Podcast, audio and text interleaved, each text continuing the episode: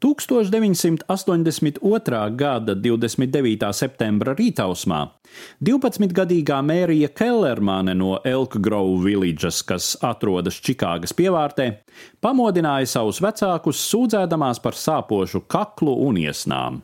Vecāki iedeva bērnam Tailenola kapsulu no nesen iegādāta iepakojuma. Pēc kādas stundas viņi atrada meiteni pakritušu viņas istabā uz grīdas.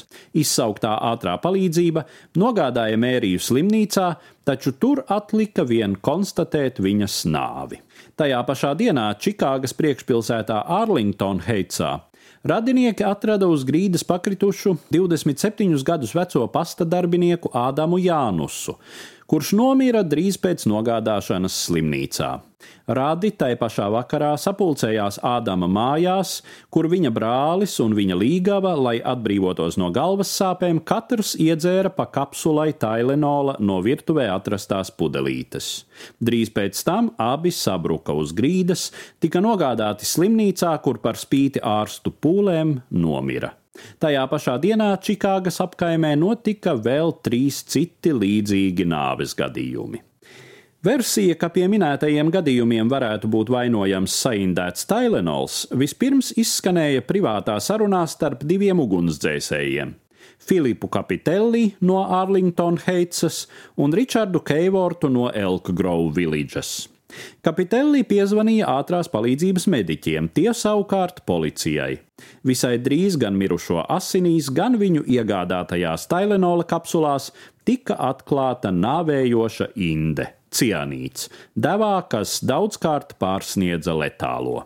Oktobra pirmajās dienās Tailenols pazuda no zāļu tirgotāju plauktiem, savukārt presē parādījās ziņas par saindētiem medikamentiem, un arī policija veica plašu iedzīvotāju apziņošanas kampaņu. Slimnīcās un ātrās palīdzības dienestā visā Amerikā vērsās tūkstošiem cilvēku, kuriem šķita, ka viņi saindējušies ar Tailenolu.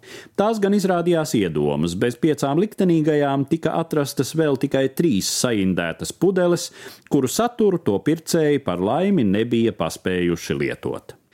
Tomēr sākotnēji šķita, ka indēšanai būs vēl viens upuris. Tailenola zīmols. Šis kompānijas Johnson Johnson biznesa stūrakmens tagad visiem asociējās ar nāvi. Neko sliktāku kāda medikamenta reputācijai nevar pat iedomāties. Tailenolu glāba Johnson Johnson mērķtiecīgā rīcība, bez vilcināšanās informējot visus zāļu tirgotājus, mediķus un arī sabiedrību, un izņemot no apgrozības Tailenola preparātus apmēram 125 miljonu dolāru vērtībā.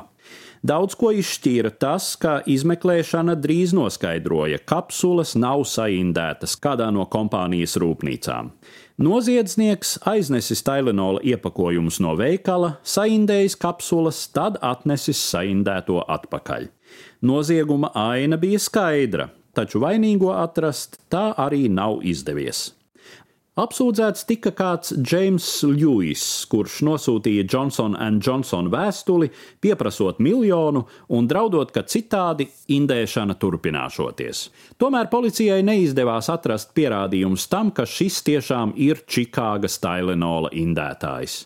Lewis nosēdēja 13 gadus par šantāžu, izmeklēšana joprojām turpinās. Stāstīja Eduards Liniņš.